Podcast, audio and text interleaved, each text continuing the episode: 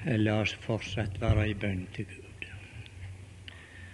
Vår Gud og vår himmelske Far i Kristus Jesus. Takk for det livets ord du allerede har møtt oss med. Om din enbårne sønn, som ble gjort til synd for oss, for at vi i ham skulle være rettferdige for Gud. Og nå har vi adgang til deg i denne din Sønns navn, og kommer inn for nådens trone uten frykt for noen ting. For nå er vi velkomne der, og nå er vi barn av Gud. Herre, vil du ennå en gang åpenbare din kjærlighet for oss gjennom dette livsens ord så vi kunne på nytt få drikke av livets vann og friske opp våre hjerter og vår sinn og vår ånd. Det er vår bønn til deg, Herre Jesus. Men at det framfor alt må bli til ære for deg. Det er vårt største ønske. Det er mitt ønske, Herre. Så vil jeg be deg for min egen personlige del skal jeg si noe er galt her, og så får du slette det ut. Men jeg kan fortale med ord som Ånden gir, for det er den slags du vil ha, Herre. Det er ikke våre talemåter og våre tankegang, men Han som vil herliggjøre Kristus, da Han får tale gjennom dette livets ord. Herre, du holde borte Satan hans angrep. Og vi vet han er din fiende. Han, vil ikke skal, at vi skal opphøye ditt navn. Er vi kjenner til det, så ber vi deg om hjelp. og Anbefaler oss til deg, Herre, i dette verdige navn.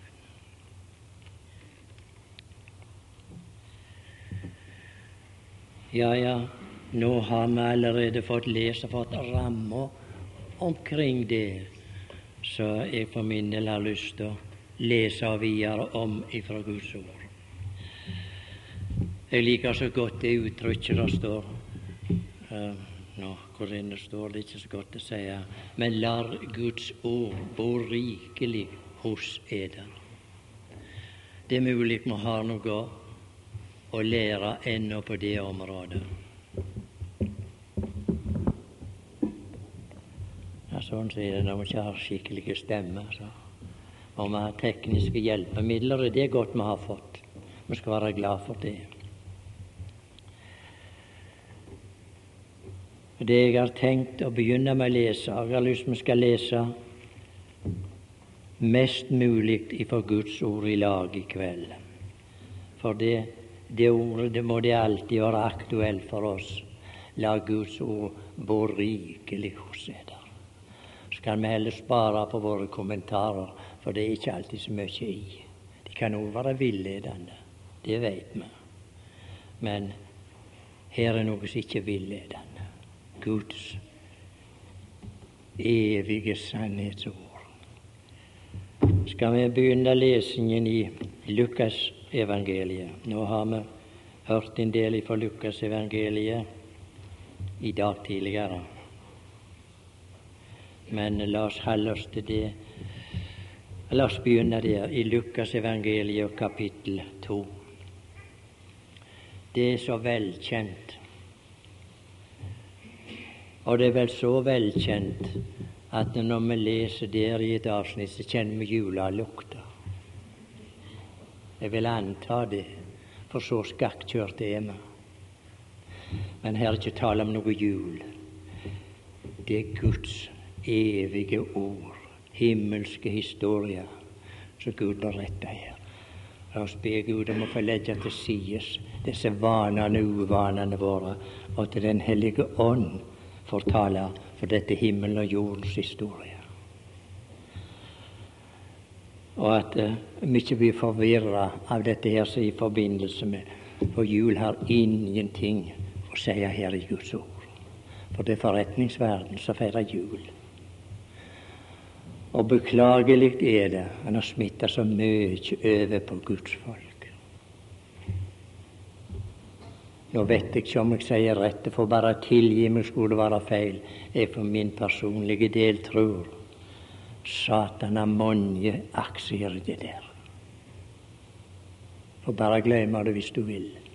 Men sjå hvem som feirer jul.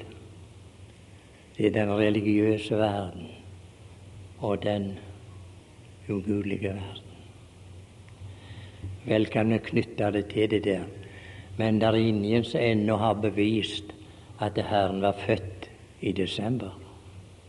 For dette jul det har de flytt att og fram, etter som historien sier.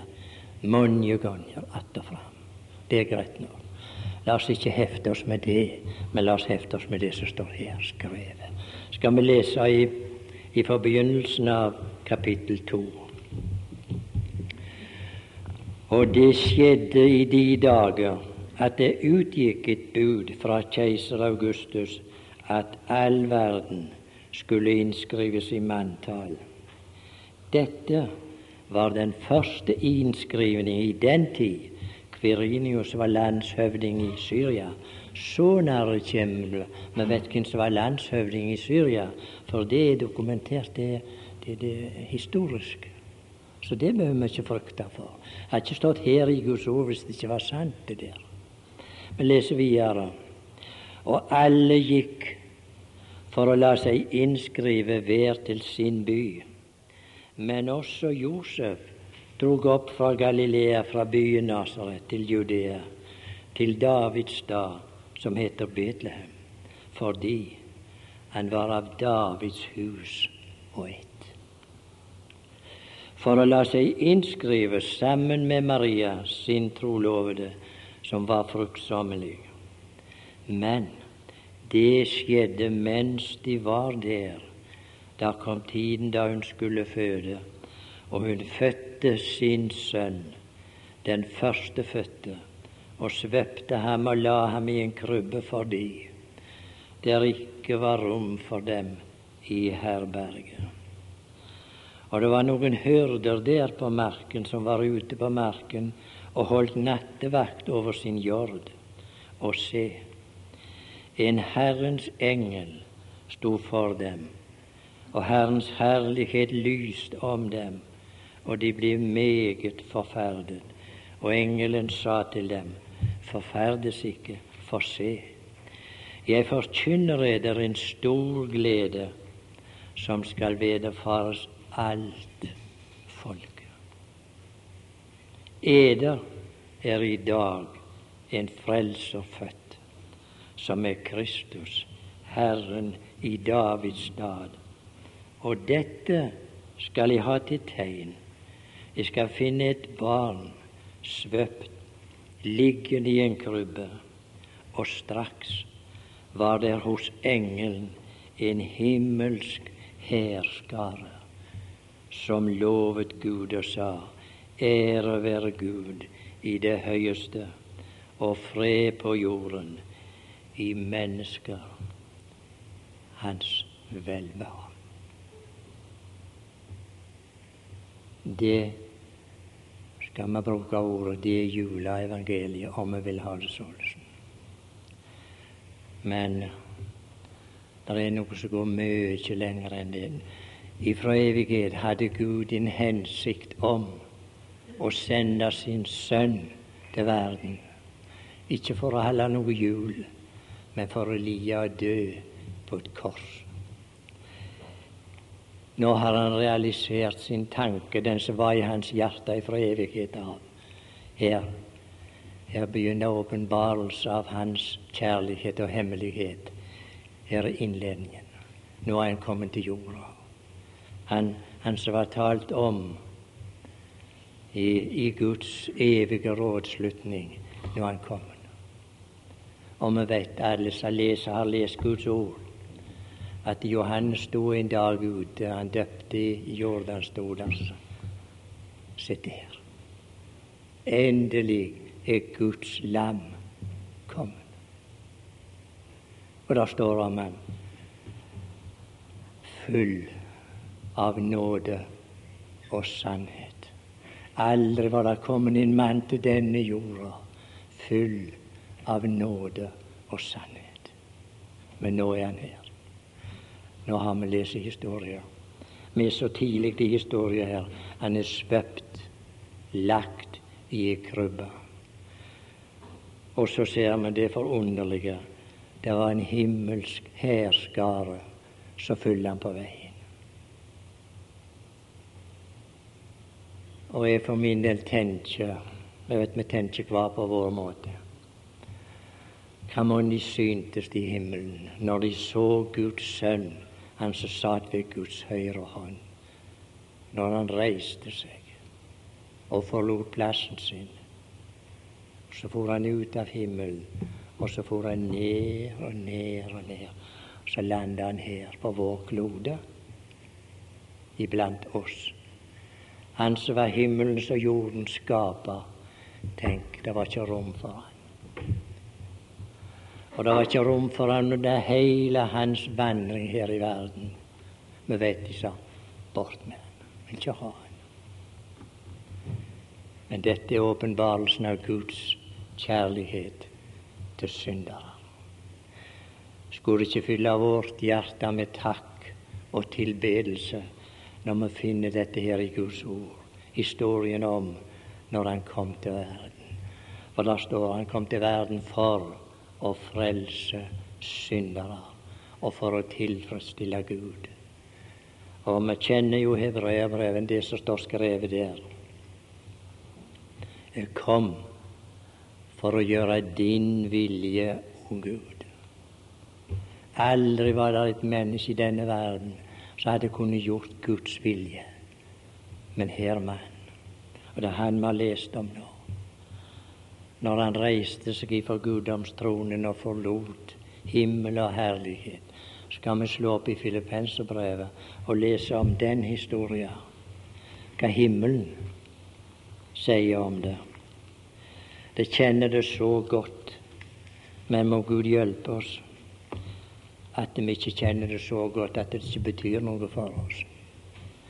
Men at det rører ved våre hjerter denne guddommelige kjærlighet som vi finner.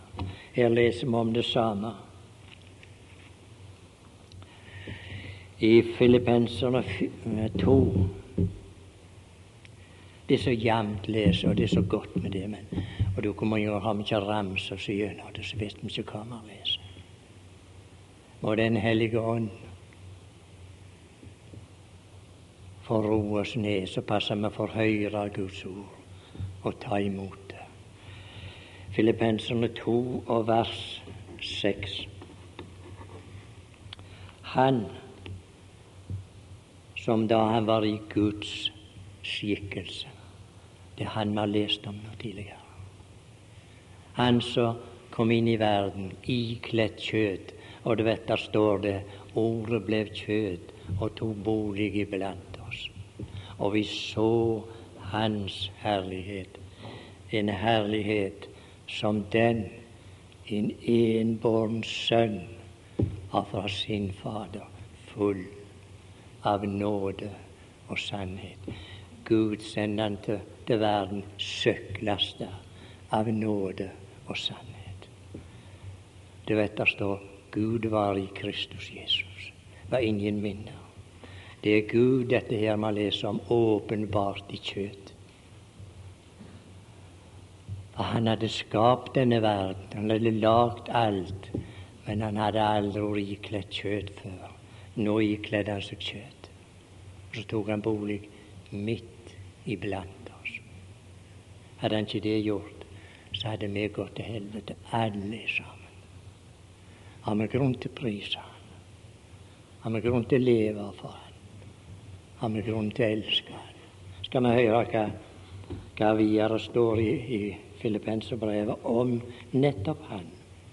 Han som da han var i Guds skikkelse, ikke aktet det for et rov å være Gud lik, men av seg selv gav avkall på det og tok en tjenerskikkelse på seg i det han kom i menneskers lignelse.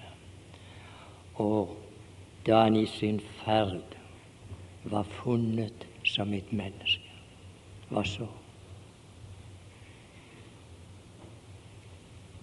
Fornedret han seg selv, så han ble lydig inntil døden, ja, korsets død. Vi har vel aldri hørt gitt et menneske som kan fornedre seg sjøl, eller som vil fornedre seg sjøl. Såpass kjenner vi menneskenaturen. Men det vi kjenner til, andre kan fornedre oss. Men her var en som kunne fornedre seg sjøl.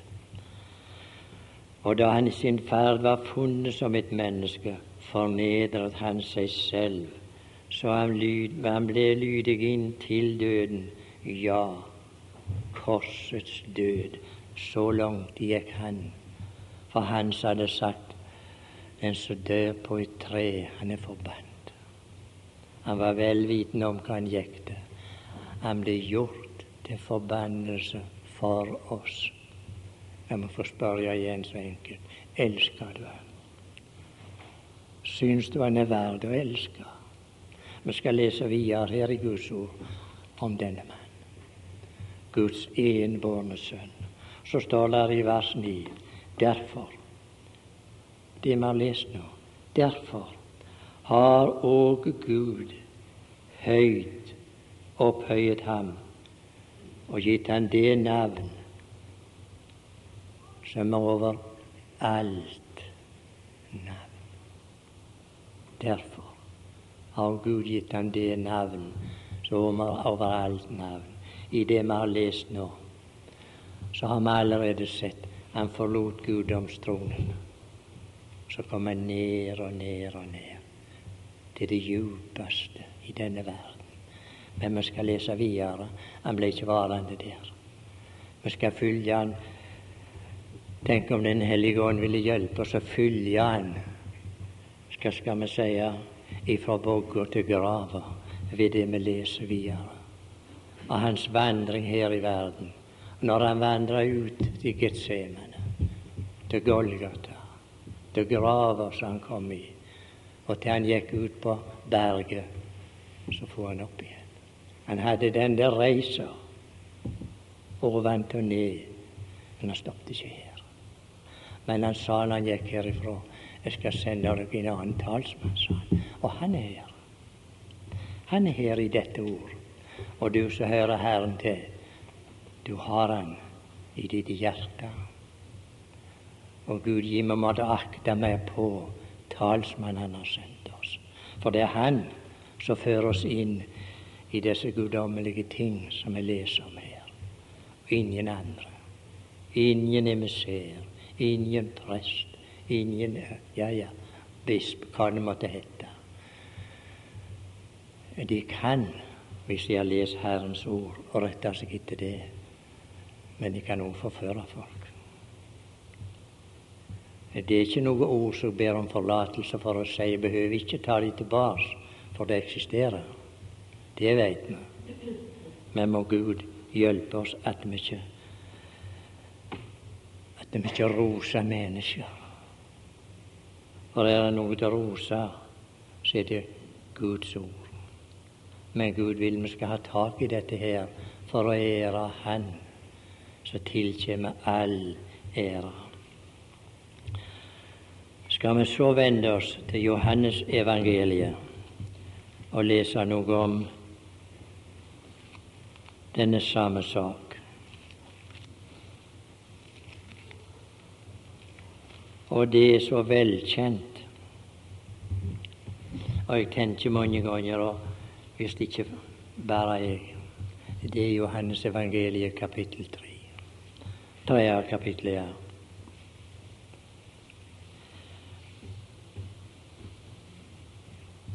Kan vi tenke på alle de millioner som har fått seg frelst på det disse gudene Den hellige ånd har nedskrevet her i Johannes evangeliet.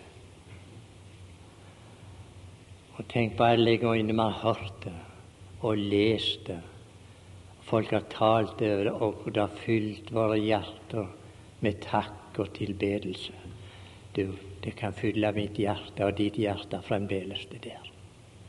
For det er Guds usvikelige ord med for oss. Og Den hellige ånd må Han få legge det inn i ditt og mitt hjerte på nytt og på nytt. Apostelen sier en plass, det er vel i Peters brev, jeg vil minne dere på nytt, sa han om dette. På nytt. Og så er det vi synger i en sang, da. Oh, ja. Fortell det gamle budskap, så enkelt som du vet. Fortell det ganske enkelt, som til et lite barn Fortell det ganske ofte 'jeg glemmer lett igjen'. Kjenner du til det der? Gang etter gang så må det fornyes. Gang etter gang må Den hellige ånd legge det inn i våre hjerter, så kan vi tale om det på en ny måte hver gang. Det er det som er så interessant med Guds ord. Vi kan tale om det på en ny måte. Selv om du har talt om det tusen ganger. Den hellige ånd, han mangler ikke emne og vilje til å gjøre det nytt for oss gang etter gang. Skal vi lese der fra Johannes 3, det 17. vers. Begynne på det. Johannes 3, 17. For Gud sendte ikke sin sønn til verden for å dømme verden. Nei, det var helt unødvendig. Han behøvde ikke sende sin sønn til verden og gå den smertens vei ut til Golgata for å dømme verden. Verden var dømt. Synder kom inn i verden, og Gud måtte dømme synder. Så ble det skilsmisse. Her står er det synder har gjort skilsmisse. Men nå ville Gud komme de stakkarene som var utskillet, av, avskremt av synder. Nå vil han ha tak i dem. Og så sier Guds ord Gud sendte ikke sin sønn til verden for å dømme verden, men for at verden skulle bli frelst ved ham. For så har Gud elsket verden at han gav sin sønn den enbårne for at For at Her kommer beveggrunn. For at hver den som tror, ikke skal fortapes, men ha evig liv.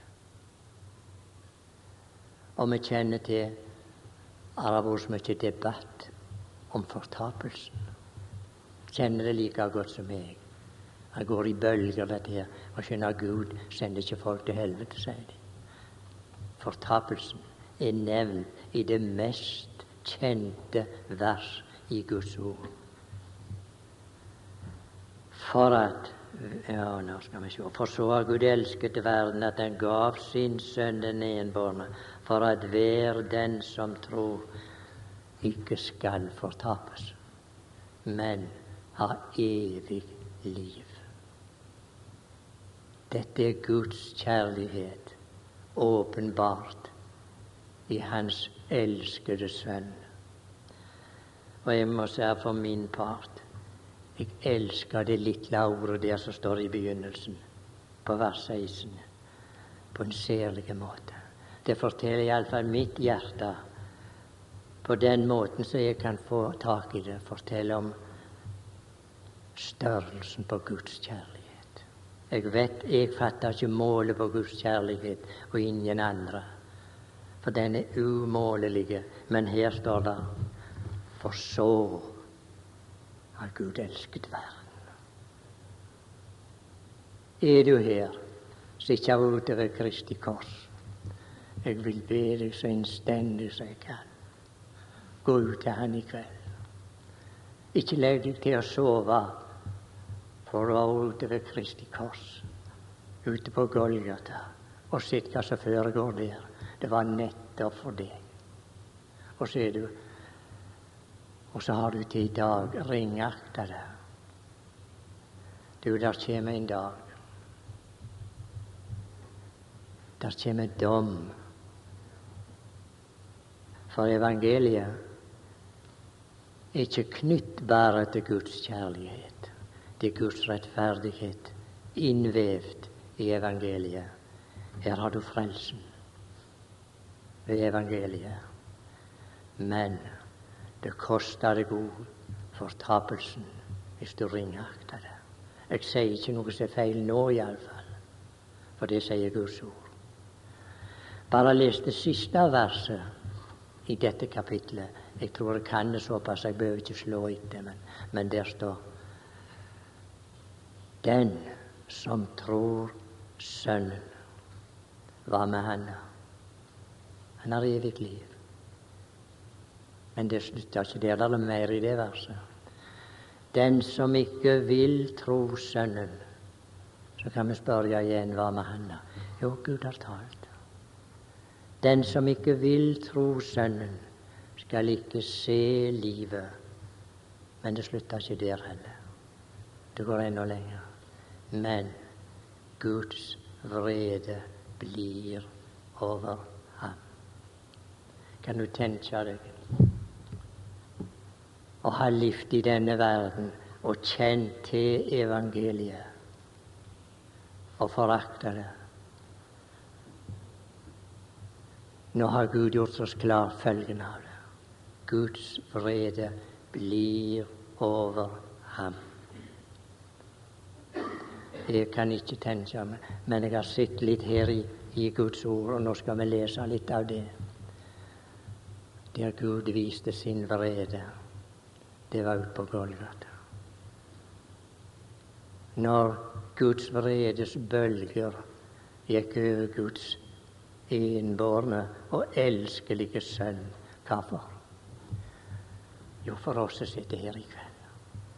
Må det ikke være oss fjernt og uvirkelig, dette her. Men det gjelder deg og meg, og det gjelder oss. Hva slags stilling vi tar til dette.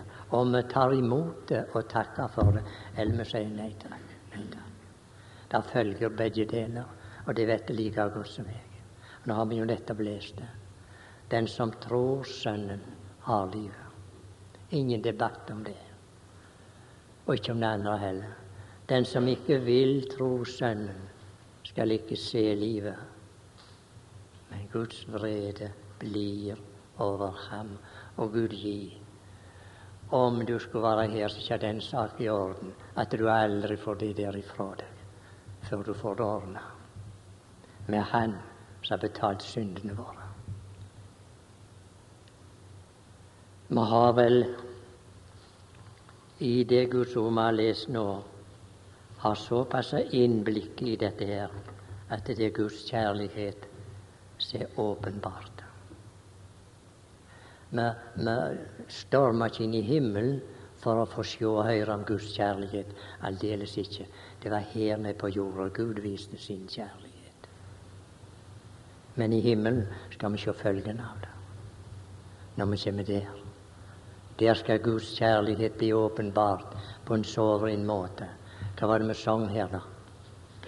Bare du er verdig. Nå skal vi være der skal vi lovprise Han i all evighet, for Han er den eneste som er og blir verdig til din og min lovsang. Og Guds, Den hellige ånd har skrevet det ned her, dette. Du kjenner det like godt som meg. Det står i åpenbaringen. Der kom et lam, tok imot dommens bok og da, man ser det, det var så stilt i himmelen. Det var ingen som hadde frimodighet til å reise seg. Men så, sa jeg så et lam kom og tok boken av hans hånd. Det er lam som Johannes sa. Der kommer Guds lam. Det er han vi har lest om her i dag. Når han kom inn i verden. Han kom inn for å frelse syndere. Og Gud gi at vi i den lille stunden vi har igjen å samles her i kveld, at vi kunne få følge Han på fot. Det er gjerne dristig sagt av meg, men iallfall min inderlige mening og mitt håp og min tro at vi i de ord vi leser, kan følge Han på fot ut til Golgata, der han elsker så at han lot seg nagle til forbannelsens tre. Har du tenkt over det? Opphavsmannen, skaperen til alt, han lot seg nagle til korset. Vi så vant med å si at det for våre synder. Ja visst var det det. Men vet du vet hva han sa når han hang der? Går det ikke eder til hjertet? Sku og se om det er en smerte lik min smerte, den som Gud har beredt meg på sin vredes dag. Og hvor vi gå ofte ut til Golgata og få et ydmykt hjerte. Det er det som feiler oss. Vi har ikke et ydmykt nok hjerte til å ta imot Guds sannhet. Men det er bare Den hellige ånd som kan legge inn i våre hjerter. Og la meg få gjenta det. Vi søker til himmel, søker ikke til himmels for å skue Guds kjærlighet. Nei, vi går ut til korset. For Guds svar og Guds kjærlighet, det er Kristi kors. Nå skal ikke jeg stå og ape og gjøre korsets tegn, men du vet hva det betyr. Korset. Det er slutten på synderens historie. Gud samsynderen på korset med han. Der hører han til. Så kom Sønnen, og så sa han, jeg kommer, Gud for å gjøre din vilje. Og det var ingen vei utenom korset. Han måtte til korset. For han skulle gjøre soning for dine og mine synder. Ingen vei utenom. Så finner vi han gikk villig. Han forlot Guds herlighet, og så gikk han til korset for oss. Har du lyst til å tilbe? Har du lyst til å takke skal jeg gå et skritt nærmere. Har du lyst til å møte han? Du får svare for deg sjøl. Vi behøver ikke drive noen slags gjettekonkurranser og dette her, hvor mye de vet i Guds ord, og hvor det og det står. Det er vel og bra nok, men det er ingen betydning i denne henseende. Kristi kors er svaret, og det kommer ikke noe mer svar. Gud har talt. Han som talte her i begynnelsen på første blad i Bibelen vår. Og det kunne godt bekjenne det der. Der står det var mørke og tomhet. Og midt i denne tomheten så åpna Gud sin munn og brøt evighetens stillhet. Og så sa han 'bli lys', og det ble lys. Det Han har for oss her nå, på veien ut til Golgata. Må Gud hjelpe oss ved Den hellige ånd at vi måtte ta veien om Getsemane når vi går nå utover til Golgata. Gå innom i hagen der vi finner han. Der ligger mann flate. Jeg sporer en gang en som behersker grunnteksten. Han falt på sitt ansikt. Hva betyr det? Jo, sa han, der betyr det Han var så medtatt, han datt, som vi sier. For vi finner han her i Getsemane, sa han. Å, hvor grua. Han kom i dødsangst. Kan jeg spørre igjen? Hva var det han kom i dødsangst for, da? Det var for deg og meg. Han kjente så visst ikke til dødsangst, for han kom jo ifra guddomstronen. Men det var noen her i verden som visste om dødsangst. For Gud sier det, det i Romerbrevet. Og senere det står der Det skal ikke alltid være så lett å, å referere det uten, men jeg kan ikke nå si hva kapittelet står. Men så står trengsel og angst skal komme over hver menneskes sjel som gjør det onde. Hvordan kunne det da ha seg at han fikk dødsangst? Ja, du vet det like godt som meg. er sånn Marton leser. han ble gjort til synd for oss, for at vi i ham skulle være rettferdige for Gud. Og her begynte han å bli gjort til synd for oss. Og så ser vi veien videre. De førte han veien om Gabbata, på retterstedet, der de skulle dømme han, og der som de hadde kalt inn vitner, og vitnene stemte ikke overens. Det var humbugmakeri.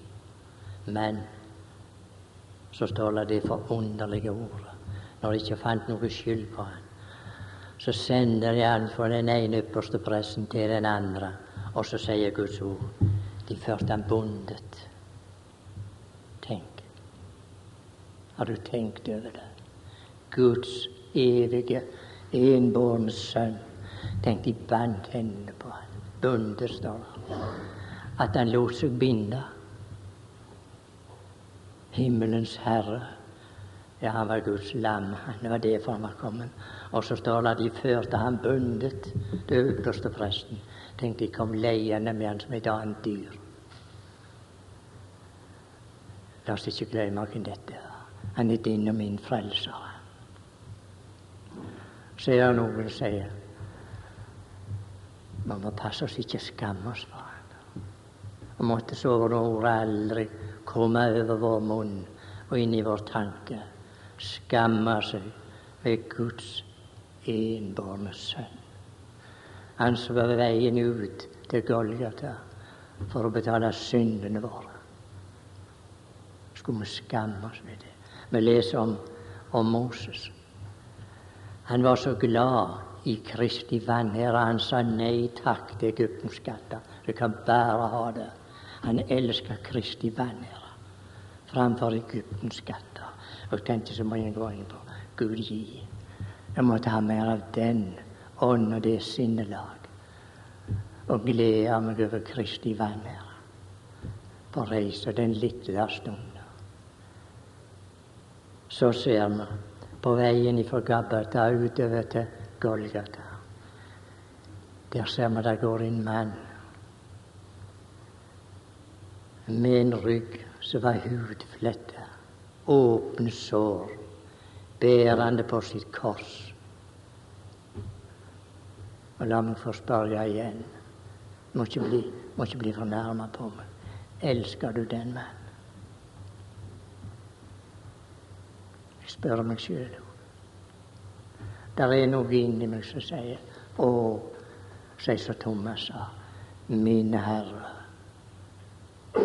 og min Gud skal vi gå et stykke lenger. Så går vi til retterstedet.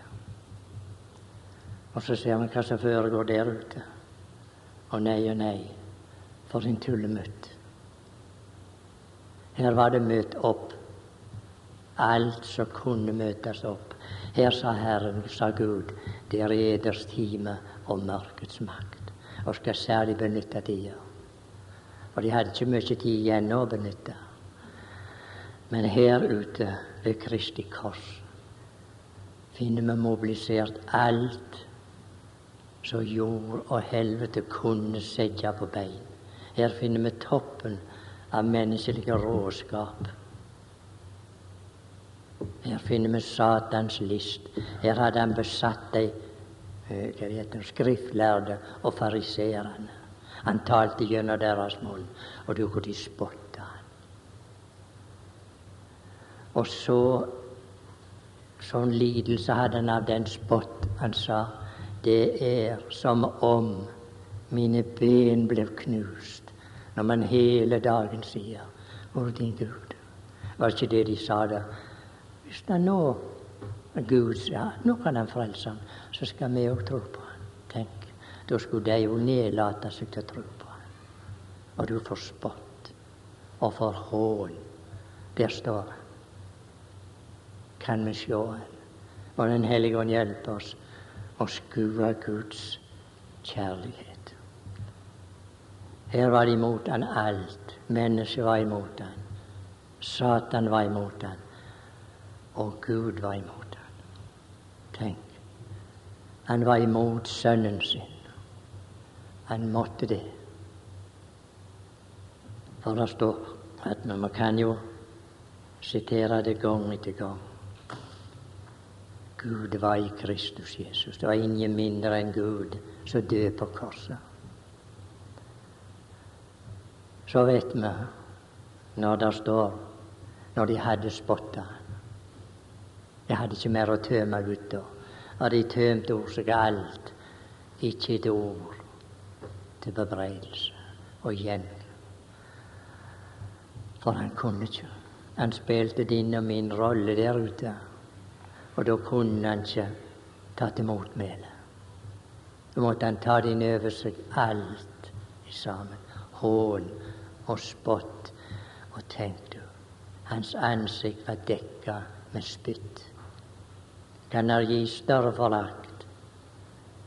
Og så tenkte jeg at det var Guds sønns åsyn. Det var Guds åsyn som menneskene dekka med spytt. Og så trykte de ei tornekrone ned på han. De kronte han som et narr. Kledde han ut som et kongelig narr. Og så sa de, så bøyde de kne for han. Kan du begripe at han kunne holde ut dette? Guds enbårne sønn, så forlot guddomstronen. Så kom han her, så spotta han. Du, det var de og mi slekt, dette her av syndere, dette. Som behandla Guds enbårne sønn på den måten. Og det kunne ikke bli annerledes. Det måtte skje slik. For det var, har jeg sagt her, at han måtte dø. Det var det hans ærend her i verden. Han måtte dø. Og dø denne forsmedelige død på Golgatas kors. Nå er vi kommet til det punkt nå grep Gud inn. Nå hadde de tømt over seg alle vreder og spott og hån. Og Satan, ser det ut, hadde tømt seg ut, han òg, i spott. Men så grep Gud inn. Og så kommer det forunderlige. Så ble det mørkt der ute på Golgata. Tenk midt på dagen. Det var midt middagstida. Plutselig så ble det mørkt. For nå skulle Gud slå. Og han slo ham, står det. Det behaget Herren å knuse ham. Hvem kan forstå Guds kjærlighet? Må bare gi det opp. Ikke i all evighet skal vi fatte Guds kjærlighet. Hva det var i hans hjerte når han slo sin sønn. Det var du og jeg som skulle hatt slaget til døden med deg på korset. Ferdig med det. Han kom på korset. Men midt der i mørket nå så kommer der et råp. Og det er ikke merkelig i dette dramaet, så hvis vi kan bruke det ordet på det, da, som utspilles her så var det så merkelig stilt der ute på Golgata. Vi hører ikke en, en rå soldat lenger. Bare les beretningen og hør om du kan oppfatte noen røster og noen som sa noe. Ikke en rå soldat. Ikke en spissfindige fariseer og en ypperste prest og noe sånt heller, de som kunne spotte Solsen. Nei, Gud la hånda på munnen på dem.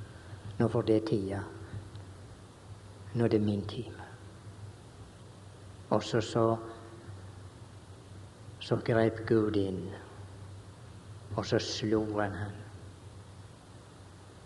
som den som bar verdens synd. Og så var de og mi synd med i det. Kan jeg få spørre igjen elsker du han? Og hvor fattig det er i vårt liv om vi ikke elsker denne mannen. Han som elsker oss til døde. Skulle vi ikke elske Han da, som gav sitt liv for oss? Denne evige, allmektige Gud, tenk han kunne skape en verden, han, med å opplate sin, opplate sin munn. Men når han skulle frelse syndere, så kunne han ikke opplate sin munn.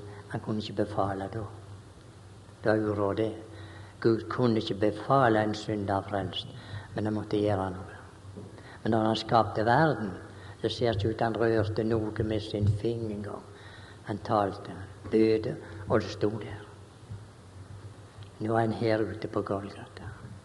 Han kan ikke by og befale en helvetfortjenende synder at han skal bli frelst på grunn av Guds befaling. Men da måtte Gud bruke en annen Hva skal vi si da? En annen art av sin guddom.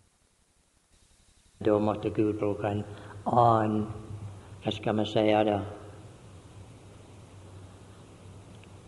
En annen art av sin guddom. Han måtte bruke sin kjærlighet. Han kunne ikke frelse verden med å by og befale, men gjennom hans kjærlighet og lidelser så kunne han frelse syndere. Tenk det, det står her, det.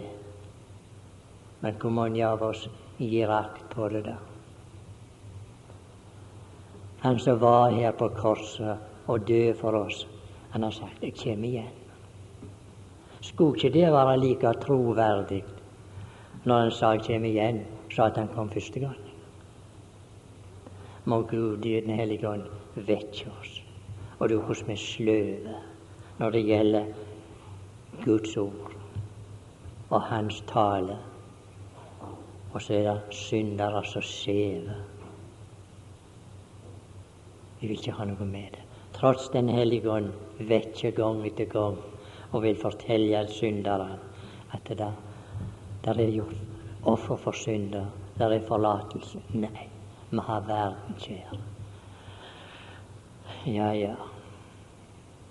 Der står om en som forblinda de vantro sinn, som ikke skal tro evangeliet.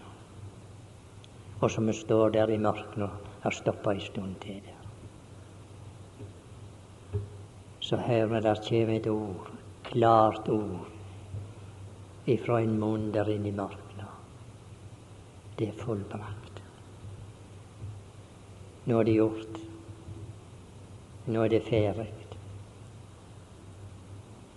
Og det siste ordet vi hører, det er jo like klart Fader, i din hånd overgir jeg min ånd. Ikke et ord mer. Ikke det eneste ord med. Og når lyset kom, så sier Guds ord Han var så ille tilrett at han så ikke ut som et menneske. I de tre timer på Golgata. Det var de som måtte tåle. Av Gud han måtte tåle dette. Han slo ham med sykdom når hans sjel var fram skyldofferet. Og du, de sier som et irske sier, de ikke, la ikke kluter imellom. Nei, Gud kunne ikke det. For han var rettferdig Gud, og han måtte slå sønnen. Og Guds ord sier han som ikke sparte sin egen sønn, men gav ham for oss alle.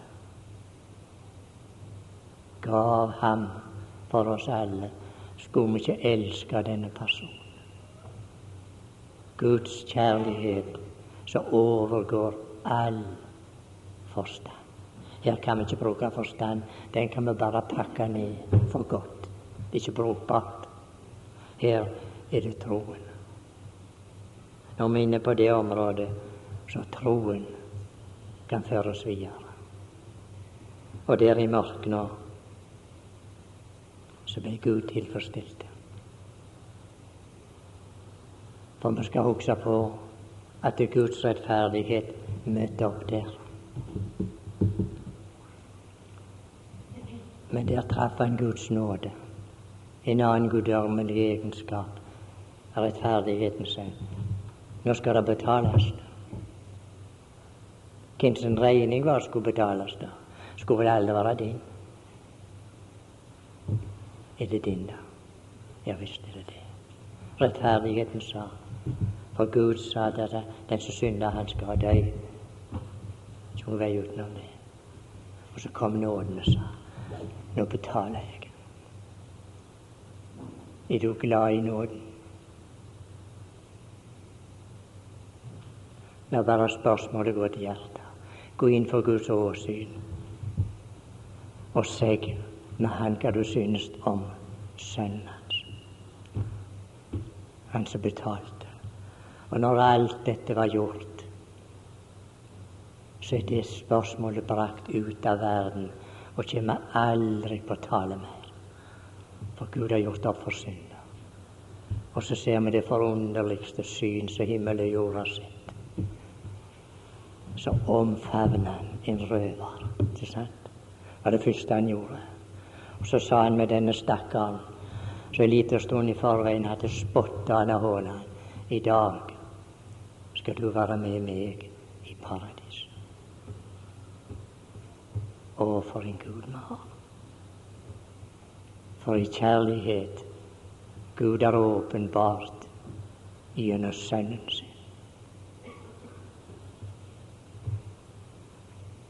Det sies, det fortelles, det er jo historisk bevitna. I den mørkna der, når mørket la seg over verden, så står det en professor i Alexandria i Egypt og underviste sine elever. Hva han underviste de i, det vet ikke jeg. Har ikke betyr heller. Plutselig middagstider så ble det mørkt. Og så gikk denne professoren bort til vinduet og så så ut. Og så sa han enten så forgår verden i dag, eller så dør der en Gud. Det forsto han. Enten forgår verden nå. Tenk, sola måtte gå ned og gjemme seg midt på dagen. Eller, han, så dør der en Gud. Og det var sant. Det var Gud som døde den dagen. Ingen mindre.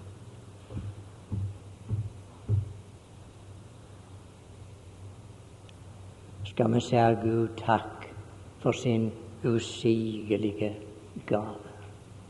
Så han gav oss, og så sa han, det er min sønn den elskede, i hvem jeg har velbehag.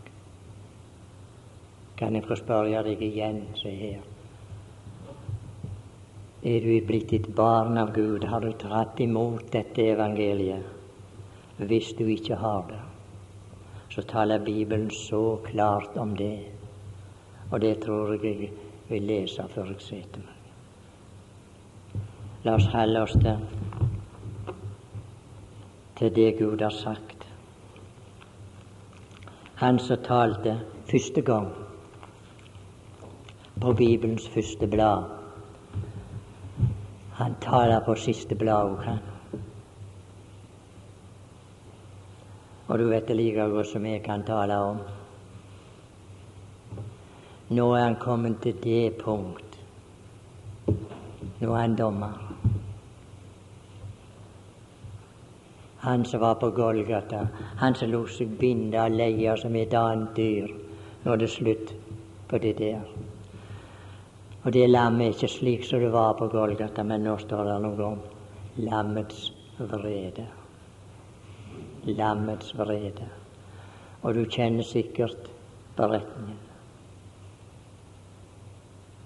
Tenk, de ba til fjellet, falle over Ja, de ba ikke, men de skal komme til be. Falle over oss og skjule oss. Hvorfor? For lammets vrede. Sånn vil den møte lammet som ikke har møtt han her ute på Golgata er det nødvendig å tenke over det. Og er det nødvendig for oss å få oss inn for Guds ansikt og si Gud over oss Å, Herre, hvor jeg har forsømt å takke deg. Og det står, dette så klart ved ham skal vi bli frelst fra vreden. I den kommende verden skal vi forstå det som vi ikke forstår i dag. Vi forstår ikke fylden av Guds kjærlighet. Men den dagen skal vi iallfall forstå det bedre. Og den dagen skal vi forstå helvetes dybder på en helt annen måte enn vi kan fatte det i dag. For da står det da har vi gjort like Han. Da skal vi se det i det guddommelige lys. For her sies det i åpenbaringen alle var enige med Han. Dine, alle dine dommer er rettferdige. Alle dine dommer var rettferdige. Skal vi lese litt der i kapittel Skal vi se Det er kapittel 20. Kanskje Ja. Men kanskje vi skulle tenke litt på det når han hadde endt denne ferden her ned til verden, og han hadde vært her nede i, i dybdene, kan vi si, i helvetes mørke var nede, han var i dødsriket, der så Satan hadde nøkkelen, og så tok han nøkkelen ifra ham, og så førte han ut. De som i trelldom i sin livstid hadde vært i trelldom, står det. Han førte de ut. Så førte han inn i herligheten. Og så, så spør jeg det spør i salmer, la meg lese den først. Jeg tror det er i salme Mon ikke i salme 34, da. Nå skal jeg se før jeg sier det sikkert.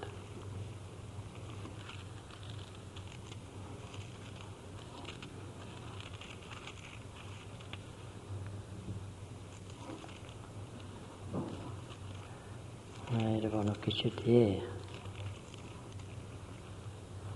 Jeg skal nok finne det, får bare ha litt tålmodighet med meg.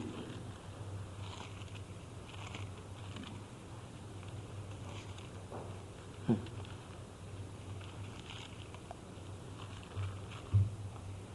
Er det noen som kan hjelpe meg med dette her? Det står Løft eders hoder i, i porter og i evige dører. Ja, 24, det er rett. Det er godt en kan som følger med. Jeg trodde det var 34, men det var feil. Ja, her kommer han. Nå er han ferdig. Nå har han vært og gjort forsoningen. Nå er han på vei til tronen igjen, og der sitter han i dag. Så kommer spørsmålet. Eller ikke spørsmålet, men utsagnet. Salme 24 vers 7. Løft i porter eders hoder, og løft eder i evige dører, så herlighetens konge kan dra inn. Hvor kommer du ifra? Jo, du kommer fra Golgata. Så kom det et opprop. Opp med portene. Løft eders hoder i, i, i porter, og løft eder i evige dører så herlighetens konge kan dra inn. Hvem er denne herlighetens konge? Herren, sterk og veldig. Herren, veldig i strid, kommer oppfordringen på nytt. Løft i porter eders hoder, og løft eder i evige dører, så herlighetens konge kan dra inn. Så kommer spørsmålet igjen. Hvem er denne herlighetens konge? Herren, hærskarenes Gud. Gud,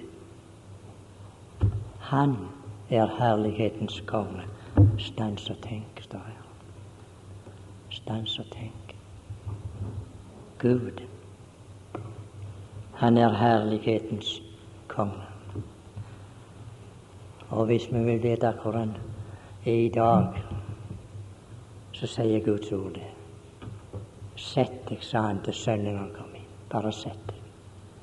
Sett deg ved min høyre hånd inntil jeg får lagt dine, føt, dine fiender til skammel for dine føtter.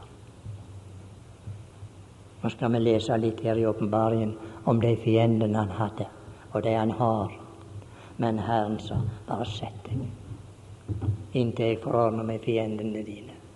At jeg får lagt dem til skammel for dine føtter. Og så står det han venter. Han sitter der og venter. Og så er det noen her i verden nå som venter. Han bruker, men har sett seg. Men så har han i brud så elsker han fordi han har kjøpt. Og hun venter. Hva venter du på det, brud? Jo, jeg venter på det ropet som kommer. Det mektige rop når han skal sende ut sitt opprop til bruden. Når han der står og ser det der det er lagt det rette stedet. når han kommer med overengels røst og med Guds basun. Det er din og min dag på grunn av forløsningen som han har gitt oss.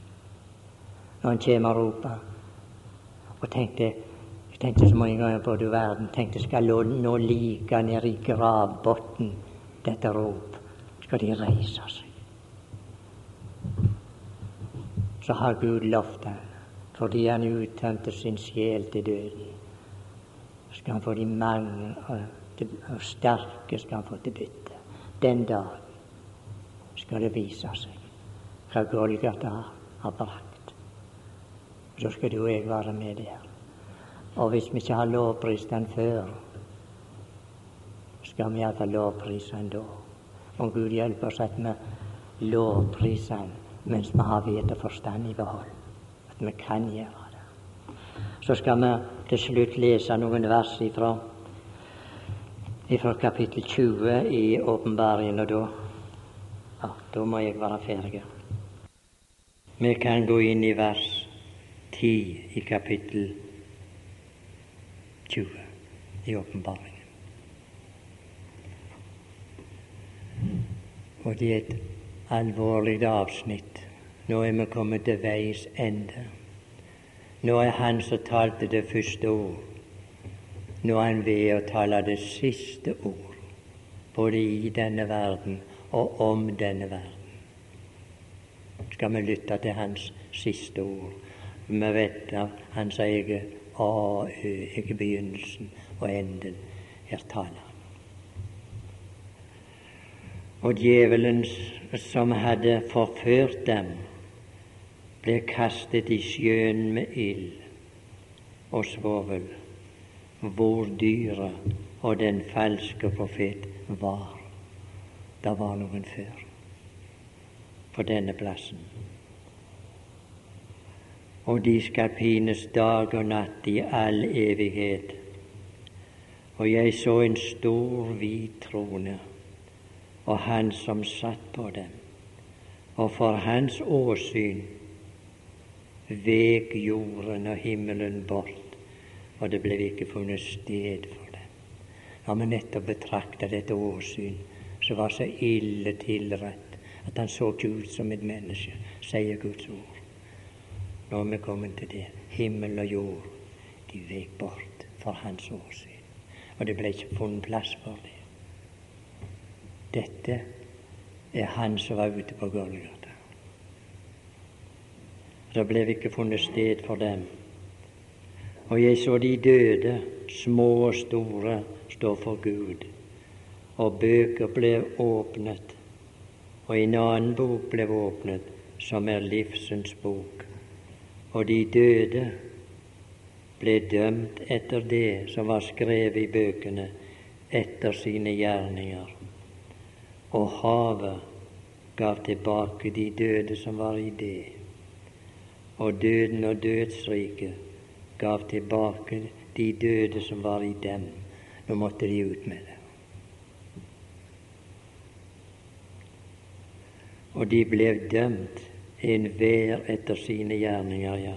Og døden og dødsriket ble kastet i ildsjøen. Dette er den annen død. Og så kommer det aller siste ord. Og det er så hjertet vil ronge seg for min del når jeg leser dette ord. Og hvis noen ikke fant det skrevet i livsens bok. Da ble han kastet i ildsjøen. Ikke et ord mer. Ikke et eneste ord. Og der kommer ikke, der kommer ikke noe rundskriv lenger ifra guddomstronen. Gud har talt. Det som sies etterpå, jeg så en ny himmel og en ny jord. Men den gamle var veien bort. Ikke et mer. Og la meg få si det igjen det, det krymper seg i mitt hjerte. Det er noen som har levd her i verden og hørt evangeliet. Så har de sagt nei takk. Kan du tenke deg hva det vil være for den sjel som har hørt Guds nådes evangelie og ringe akta det. Det var i dette selskap som vi leser om her, djevelen, dyret, den falske profet, dødsriket og døden skal være i lag med deg i all evighet. Jeg vet jeg er inne på ting nå som jeg ikke kan noe med å snakke om. Så kommer spørsmålet skal det være noen av mine der. Er det noen alvorligere spørsmål? Skal det være noen av dine der? Ja, ja. Vi har ikke skav å tenke på det. Hva det vil si å ringeakte Guds evangelie og Guds kjærlighet. Det er følgen. Guds aller siste ord, det heter ildsjøen. Så er vi kommet til veis ende med denne verdens ting og med Guds fiender, Satan, dyret, den falske profet og alt dette her som vanærer Gud. I all den tid jeg hadde anledning til det, så kommer dagen. Så legger Gud låket på søppelboksen. På med det. Ferdig med det. Aldri et ord derifra. Men, men skal vi være i bønn for de som ennå ikke har tatt imot ham. Skal måtte være oppi den søppelboksen som Gud har lagt låket på i all evighet. Jeg kan ikke, jeg kan ikke tale om det. Jeg burde gråte over det. Kan ikke si noe annet. Det fortelles om Modi. Han var jo en en mann som kunne tale til synderes frelse på en særlig måte. Den mann, når han så utover forsamlingen, så strigråt han. Så spurte jeg hvorfor gret du så det i, sa de. Jo, nå ser jeg på alle disse folka, hvor de skal hen i evigheten. Og hvis de ikke har vet å gråte sjøl, så må så har de godt å se at Moddi kan gråte over det. Hvis vi har bruk, og hvis vi kan gråte nådens tårer, så har vi anledning til det. Når vi tenker på enden av et menneskes liv i evighet, så kan vi snu på det. Så tenker vi på din og min ende. Hva har vi gjort for det, da? Men han har gjort. Han som Marton leser om, han som ble gjort til synd for oss. Hva har han gjort? Han betalt. Vil du gå til helvete med betalte regning? Jeg vet ikke om, om det er noen. Men om jeg skulle tale mitt aller siste ord i denne verden, så vil jeg be deg Forlik deg med Gud før fatteevnene fer ifra deg. Du kan sakte leve i mange år uten fatteevner, men du har ikke behov for det. Benytte nådens dag. Må Gud holde oss våkne i denne siste og vonde tid. Og måtte det anspore oss til å være i bønn For Gud har sagt det. Det står 'vær vedholdende i bønnen'. Han hadde aldri sagt det hvis det ikke var gagn i det. Men han har sagt 'vær vedholdende i bønnen'. Du bror og søster, du har noen sikkert du ber for. Bare vært vedholdende i bønnen. Selv om du og jeg går bort i morgen og ikke kan be lenger, så har det ikke noen forbeder. Men den bønn som vi har bedt, den gjelder fortsatt. den.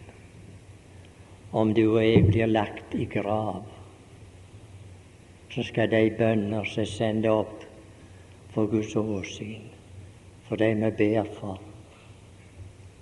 de gjelder fremdeles. Jeg vet ikke mer å si om Gud vekker oss opp. For det lir, det lir så langt uten at jeg vil ikke gi meg til å spå. Det så mange som har spådd, og du hvor feil de har spådd. La oss ikke være opptatt med alle disse begivenheter som skal skje før Herrens komme og etter Herrens komme. Og du hvor mange er som snakker om det, og det er ikke det dette har sin verdi, men det som vi bør være opptatt med, venter Han. La begivenhetene bare være der de er.